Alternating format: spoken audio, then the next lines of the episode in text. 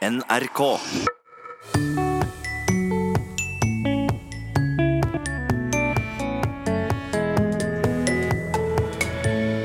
Ulike former for personangrep florerer i dagens offentlige debatt. Kan det være et godt retorisk grep? Det er jo forskjell på en grisetakling og på en elegant fornærmelse.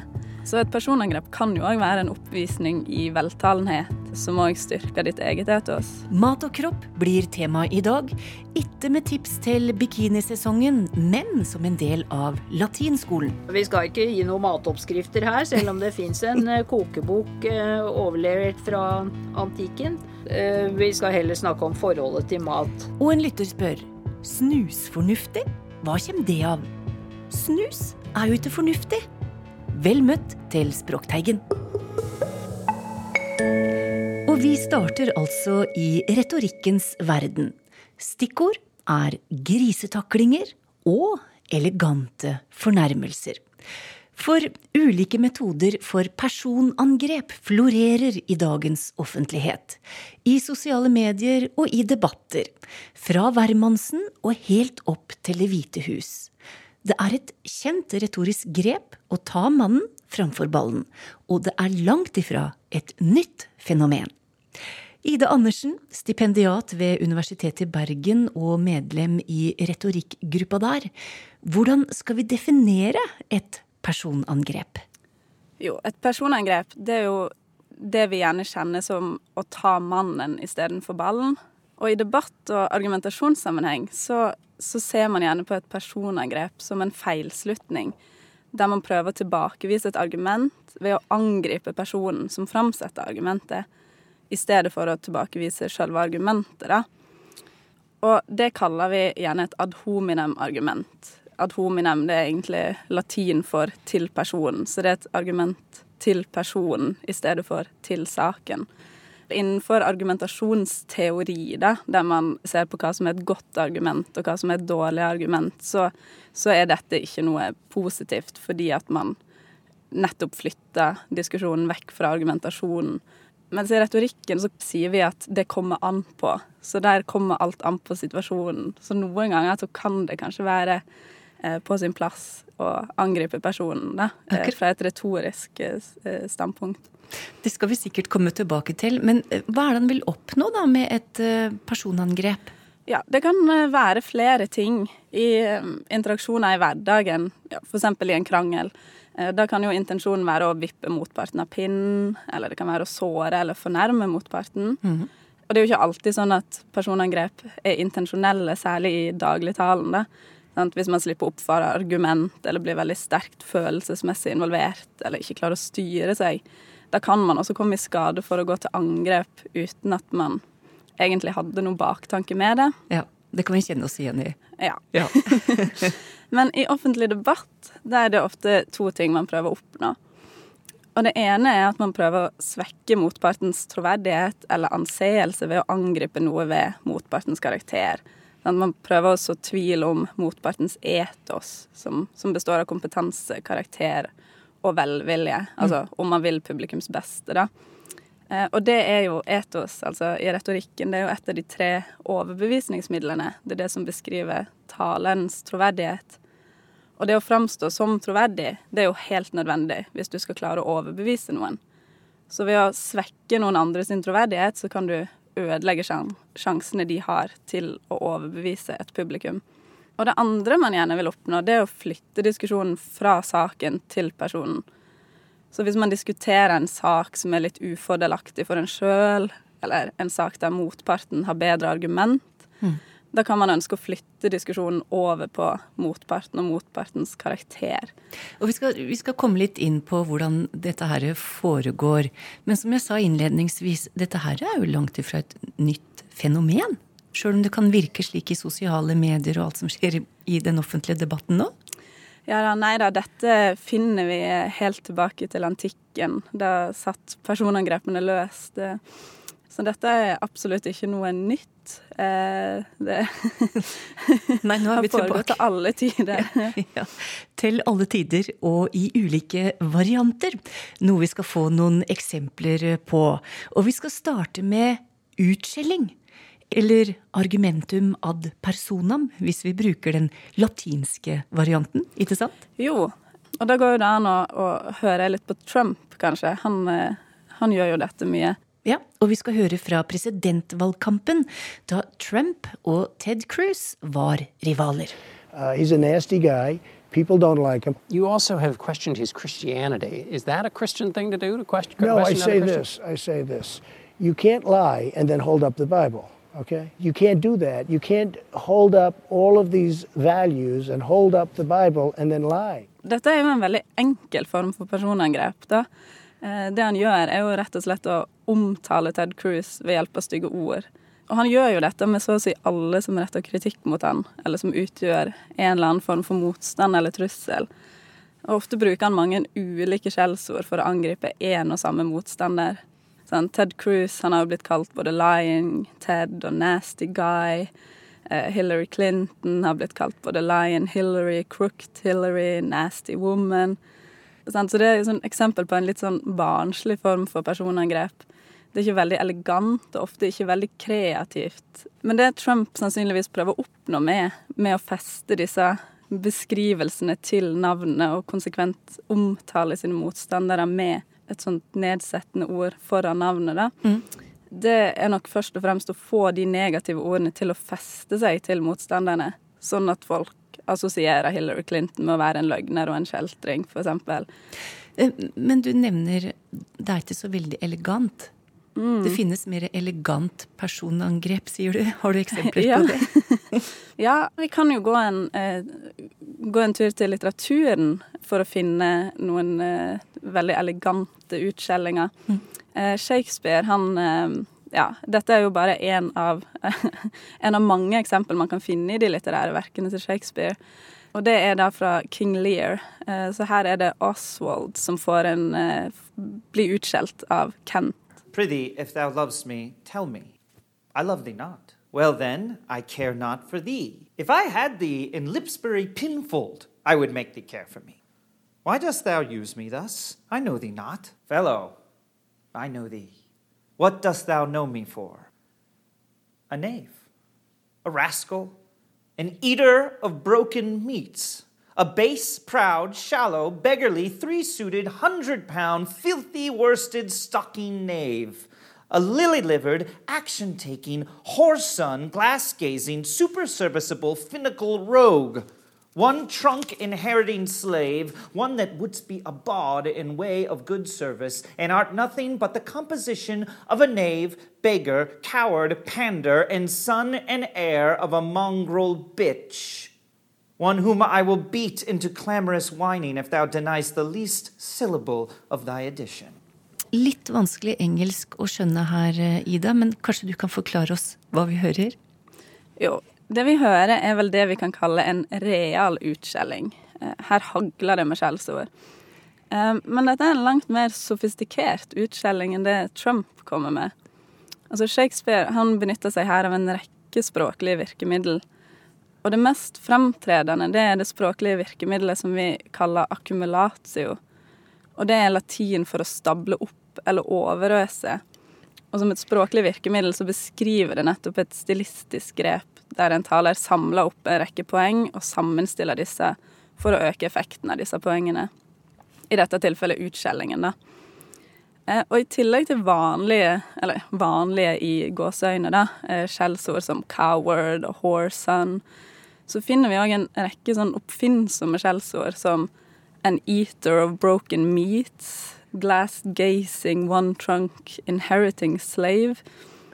Og så hører vi hvordan enkelte ord som nave, da, altså knekt, eh, gjentas flere ganger. Eh, og at enderim blir benytta som stilistisk grep. Sant? Nave, slave, composition, edition. Så det viser jo at Shakespeare eh, en velartikulert fornærmer, da. Og dette var én form, men eh, vi har andre varianter. Eh, Hva med deg sjøl-varianten, som jeg har notert her? Ja, det er jo det vi kaller tu quoqui, eh, som er latin for du og, eller hva med deg sjøl. Ja. Eh, og det er jo et angrep der man prøver å påvise at vedkommende ikke lever sånn som hun eller han lærer. Så rett og slett å si ja, hva med deg sjøl, eller hva med deg, da? Eh, vi kan jo høre et eksempel derfra også fra Erna Solberg at hun gjør dette i en statsministerduell. Jonas Gahr Støre, hvor mange debatter har du stått overfor meg eller andre fra ditt parti og tatt eksempler fra Sverige og brukt det i norsk politikk? Tatt eksempler fra USA og brukt det i norsk politikk? Eller fra Storbritannia og latet til som det er vår politikk? Dere er ekspertene på å hente resultater andre steder fra. Gi vrengebilder og late som om det er vår politikk. Det stemmer ikke. Og hvis det er noen som har begynt med dette, så er det faktisk du som har gjort det. Altså Jonas Gahr Støre, for å gi litt kontekst, da, han har mm. kritisert Erna Solberg for å ha sluppet Fremskrittspartiet inn i regjering. Eh, og sier at Fremskrittspartiet de drar på tur til Sverige, snakker om svenske tilstander. Og at de gjør det for å skremme folk eh, til å stemme for en strengere innvandringspolitikk. Og i stedet for å svare på den kritikken, så sier Erna Solberg hva med deg sjøl? Hva oppnår hun med det? Altså, for det første så slipper hun å svare på kritikken, så det er jo egentlig en svar forskyvning også, mm. eller en svarunnvikelse, da. Og så oppnår jo hun det at hun eh, kan vise at han eh, Han har ingenting han skulle sagt, fordi han er like ille sjøl. Neste variant av personangrep, det er det som på godt norsk kalles brønnpissing. altså brønnpissing, det er jo Altså På engelsk heter jo det eh, 'poisoning the well', sant? å forgifte brønn, mens på norsk så har man kalt det brønnpissing. da. Og det beskriver den formen for angrep der man presenterer ufordelaktig informasjon om noen i den hensikt eh, å diskreditere eller latterliggjøre denne personen. Mm. Og vi har henta dette eksempelet. Og Ser oss litt på Arbeiderpartiet, så har de en leder som er født med sølvskei i munnen. Han har aldri hatt en vanlig jobb, og han er utdanna sammen med eliten i Frankrike. Han har kjøpt private helsetjenester sjøl, omsorgstjenester også. Jeg syns ikke det er noe galt i det. Jeg syns det er flott at folk har høyere utdanning. Jeg syns det er flott at folk kjøper private tjenester hvis de ønsker det. Problemet er bare at han vil at andre skal gjøre det motsatte. Han unner ikke vanlige folk å kunne velge private tjenester. For det skal han ha slutt på fritt behandlingsvalg og sånn. Vet du hva jeg kaller det? Det kaller jeg å trekke stigen opp etter seg. Det Sylvi Listhaug gjør her, det er at hun sår tvil om den dimensjonen av eh, Jonas Gahr Støre sitt eh, etos som vi kan kalle velvillig overfor publikum. Altså Hun presenterer informasjon om han og hans bakgrunn i den hensikt å skape en oppfatning om at Støre ikke spiller på lag med sine velgere, eh, altså arbeiderklassen. Han er ikke lik de, han forstår de ikke, han deler ikke deres bekymringer og interesser. Og, de, og, dermed så er han heller ikke egnet til å representere de. Mm, men personangrep brukes jo av flere politikere enn de vi har hørt her i den offentlige debatten. Så det må jo ha en viss effekt tross alt, da, som retorisk grep? Ja, generelt så kan vi jo si det at personangrep er en dårlig strategi for å overbevise noen som, som er ubestemt, eller som i utgangspunktet er uenig i standpunktet ditt. Så vi kan si at de er uegnet til å forme eller forandre en posisjon eller holdning.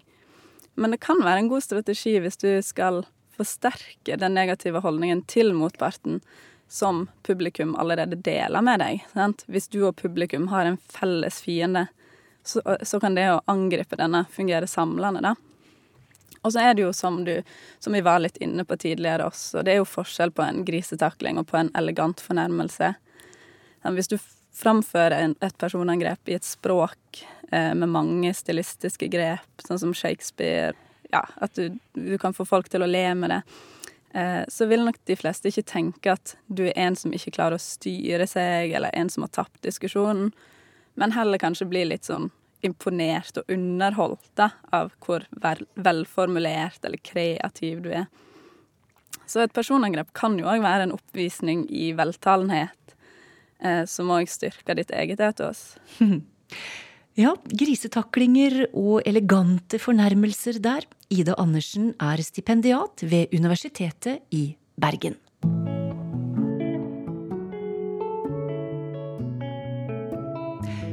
Det kan høres ut som et ukebladoppslag når jeg nå sier at mat og kropp er neste tema. Men dietter i forkant av bikinisesongen er ikke vårt bord. Her handler det om Språkteigens lille latinskole. Og Vibeke Roggen, førsteamanuensis i latin ved Universitetet i Oslo. Sjøl i antikken var de opptatt av forholdet mat og kropp, ikke sant? Jo. Skal vi begynne med maten, da? Ja. Ja. Vi skal ikke gi noen matoppskrifter her, selv om det fins en eh, kokebok eh, overlevert fra antikken. Eh, Vi skal heller snakke om forholdet til mat. Ja, nemlig. Noen av ordene der er, som vi bruker i dag, er latinske. Mange av dem er fra antikkens gresktalende verden, som jo var mye større enn dagens Hellas. Men jeg kan jo begynne med et latinsk ord. Ja. Appetitt. Av eh, petere, å søke å få, søke å oppnå, og så apetere med et prefiks der. Så er dette blitt til substantivet appetitos, trang eller lyst. Og det kan jo kjenne seg igjen i. Ja da, å ha god appetitt er det jo ikke noe galt i. Nei. Nei, nei. Men, Men- så kan det jo bli for mye av det. Ja. Ja. Da kan det bli bulimi. Det er fra gresk. Bulimus. Øh, Det er også lånt inn i latin i antikken. Og betyr øh, unaturlig hunger, eller sult som ikke kan tilfredsstilles. Og ordet for øh, okse ligger inni der, så det kalles også oksehunger. Og det er òg et annet ord vi kan ta med i samme slengen der, nemlig anoreksi. Ja, da blir det det motsatte. Dette er også et gresk ord. Orexis, appetitt. Og med det greske prefikset a eller an, som betyr ikke. Eller det samme som norsk u, da. Anoreksi. Den formen an er valgt fordi selve ordet begynner med en vokal. Vi skal òg ta med ordet vi kjenner som læren om finere kokekunst, men som egentlig handler om magen, nemlig gastronomi. Ja, det er også fra gresk. Gaster, mage, betyr det. Og nomos betyr lov, så det er læren om magen, da, på en måte. Og, og i antikken var det moral knytta til folks eh, matvaner. Ja, det var jo selvfølgelig både udannet og usunt å forspise seg. Så eh, Seneca, en mangfoldig mann som levde i første århundre etter Kristus, han eh, var eh, opptatt av filosofi og det stoiske. Han var også en statsmann, og han var, hadde vært lærer til den senere keiser Nero, som, eh, som til slutt beordret ham til å begå selvmord for øvrig, så læreryrket er- var farlig. Men han har da skrevet en rekke moralske epistler. Og annet om herren, altså en slaveeier, da, husherren, som eter og eter og lar slavene stå sultne omkring. Så skriver han 'est ille plos quam capit'. Est, det betyr ikke er her, da, det betyr han spiser. Plos quam capit, mer enn han rommer. Så, og Seneca skriver videre han, eh, Med voldsom grådighet belaster han sin spente buks vanlige kapasitet, slik at han får mer strev med å kvitte seg med maten enn han hadde med å innta den. Vi kan eh, jo snakke litt om bruken av eh, kroppen metaforisk også. De gamle romerne hadde da en, eh, en historie fra Esop, som jo er kjent i vår tid også. Ja. Bakgrunnen er at det var en grovsortering av eh, de romerske, den romerske befolkningen i overklassen patrisierne og underklassen plebeierne. Og patrisierne, det navnet kommer nok av pater, far, så de skulle være som fedre for folket og ta de viktige avgjørelsene. I år 494 var eh, mange plebeiere blitt tynget av gjeld, og de truet med å forlate Roma for godt og grunnlegge en ny by. Og de gjorde det også. De eh, gikk ut av Roma og slo seg ned ved et fjell utenfor byen. Og en patrisier, Menenius Agrippa, ble sendt ut for å forhandle. Historieskriveren Livius, som levde i første århundre etter Kristus, sier at han fikk dem til å komme tilbake ved å fortelle dem Esops fabel, fabel om magen og kroppens lemmer. Det var en tid da ikke alle delene av menneskekroppen var enige som de er nå. Hver kroppsdel hadde sin egen plan og snakket for seg selv. De andre kroppsdelene var sinte over at de måtte streve som tjenere for magen, mens magen ikke gjorde noe annet enn å nyte godene den fikk. Derfor var de blitt enige om at hendene ikke skulle bringe mat til munnen, at munnen ikke skulle ta imot den, og at tennene ikke skulle bearbeide maten. På grunn av dette, og fordi de ville oppdra magen gjennom sult, ble lemmene selv og hele kroppen veldig svake. Slik ble det klart at magens tjeneste slett ikke var unyttig, idet den ga blod til alle kroppens deler, det blodet vi lever av og som gjør oss sterke. Da gikk eh, plebeierne med på å gå tilbake til Roma. Men de fikk igjennom en del reformer. Og bl.a. den veldig viktige tolvtavleloven ved at loven ble offentliggjort og alle visste hva som var tillatt og hva som var ulovlig. Og nå har vi jo på et eh, bemerkelsesverdig vis, Vibeke, bevega oss fra mat og til kropp. Ja. Så nå skulle det handle litt om kroppen. Litt sånn pussig at vi skulle havne midt oppi nærmest som et hår i suppa. For vi skal Ja. snakke om hår. Ja. Og, og et ord eh, for hår. ja. Pilos er eh, ordet for et enkelt hår, enten på et menneske eller et dyr. Og det ordet for eh, depilere kommer altså av eh, dette pilos, ta hårene vekk. Og da er vel eh, armhulene et spesielt eh, populært sted å fjerne hår. Og sånn var det også i antikken. Eh, Da kunne man bruke et spesielt plaster til hårfjerning, dropax, et gresk lånord i latin. Eller man kunne bruke en salve, psilotrum, også hårfjerningsmiddel altså. Eller, hvis du hadde penger nok, så kunne du bruke en alipilos.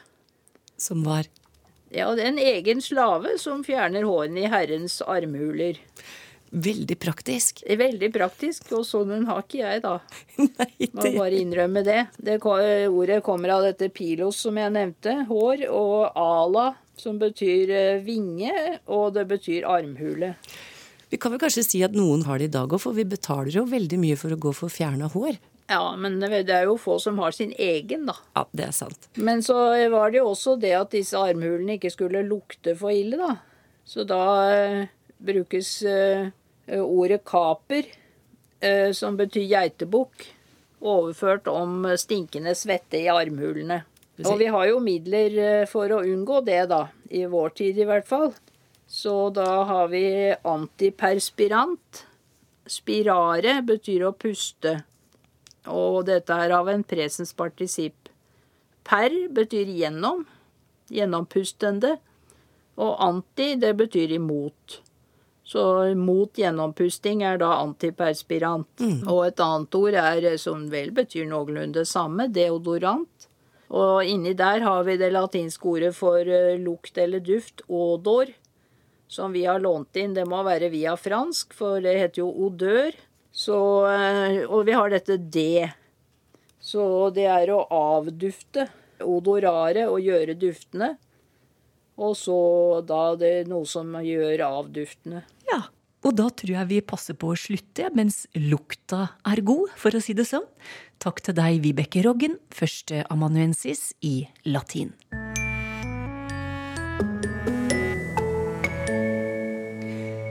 Toril Oppsal er med for å svare på lytterspørsmål i dag, og vi skal først til en undring vi har fått fra Per Espen Eid. Han sendte oss en avisartikkel med overskriften Øredøvende taushet fra Kulturdepartementet. Her må da øredøvende være brukt feil, skriver han. Men så sjekka han litt mer og fant ut at øredøvende stillhet er et oksymoron så som eksempel styggpen, offentlig hemmelighet osv. osv. Kan dere si litt mer om dette fenomenet, spør han. Ja, dette her er en eh, ganske klassisk retorisk figur, oksymoron. Og det er nettopp det at du sammenstiller to begreper som har veldig motstridende innhold. Eh, Denne øredøvende tausheten, vi kan jo gripe fatt i den, da. Altså fordi at dersom noe er øredøvende, så vil det jo helt konkret gjøre ørene døve. Ja. Eh, og en øredøvende applaus pleier vi jo av og til å snakke om, mm. og, det er et forferdelig lurveleven. Um, mens i noen sammenhenger så kan vi bruke øredøvende i overført, eller altså billedlig betydning, og da betyr det fullstendig eller noe så innmari. Eh, og i den betydningen så er det mulig å koble det sammen med stillhet ah. eller taushet. Mm. Så en øredøvende stillhet, den er påfallende og fullstendig. Oksymoron som retorisk figur er ikke så uvanlig. Vi eh, kan jo lure på om det vi snakker om nå er gamle nyheter. Det, det er det jo noe man diskuterer. Og der har du jo nettopp dette motstridende innholdet mellom at noe er, kan jo ikke både være gammelt og nytt. Eh, og der har du også en, en sammenstilling av to vidt forskjellige og motstridende begreper. Og så kan jeg jo komme med et eksempel som mange Ja, jeg mistenker at vi bruker det. det er, du får holde for øra hvis du hører på og litt sart. Ja. Men eh, det er jo når vi gnafser i oss marsipan og ser lykkelig opp og sier 'Å, det var dritgodt'. Det er, det er, litt av det samme der. Eh, at noe både er drit og godt, det, det skal mye til. Men, men, men, det, men, det, illustrerer veldig godt hvordan dette skaper nettopp en retorisk effekt. Ja. Og så kan jeg synes jo det er eh, Vi kan jo være litt litterære også. Ja. Jeg nå kan jeg huske gærent, så da får de ha meg tilgitt, men jeg mener det var Store norske leksikon som hadde et flott eksempel på oksymoron. Eh, det er Aksel Sandemose som skriver om en skrekkinnjagende vennlighet. Den syns jeg også er ganske flott. Vet dere bakgrunnen for snusfornuftig? Snus, er dette fornuftig? sier Lasse Efskin. Nei, og det er ikke fornuftig å snuse heller. Så du, her skal jeg være helt ærlig og si at her blir det reinspikka spekulasjon fra min side. Eh, jeg, jeg vet ikke. Altså, når du er snusfornuftig, så er du lite grann selvgod og, og ganske tørr. Mm. Um, og noen vil vel kanskje si at du er litt umoden og barnslig også, når du uttrykker fornuft på en snusfornuftig måte. Ja. Og uh, dette adjektivet, snusfornuftig, det har vært i bruk i nær sagt uminnelige tider. Uh, og i bøker fra tidlig tidlig 1800-tall så har det samme betydning som det har i dag. Uh, så, så, det er ikke noe å hente ved å grave så langt bakover heller. Snus kan jo bety pulvertobakk. Eh, det kan bety eh, teft, snev. Helt konkret, der bikkja di får snusen i noe. Mm. Eller der du får greie på noe. Og så er det en sånn liten snøftelyd som jeg innbiller meg i hvert fall ledsager en del av de betydningene. Sånn Som dukker opp når man er litt fornærmet. Og når man er litt snøft, selvgod og fornærmet, så er man ganske selvgod Altså, ja, da, da er du snusfornuftig. um, så jeg tror ikke dette handler om så veldig mye annet enn snøft. Rett og slett et lydhermende ord, altså? Ja, i hvert fall en, en betydning som, som, handler om uh, ja, det å få snus og TV og teft. Ja. Det var i hvert fall et snusfornuftig svar, kanskje. Vi, vi går for den. Ja. Takk til deg, Toril Oppsal. Skulle du ha noe på hjertet, noe du lurer på, eller tips kanskje, til Språkteigen, så er adressa teigen krøllalfa nrk.no. Vi høres om ei uke. Ha det riktig bra.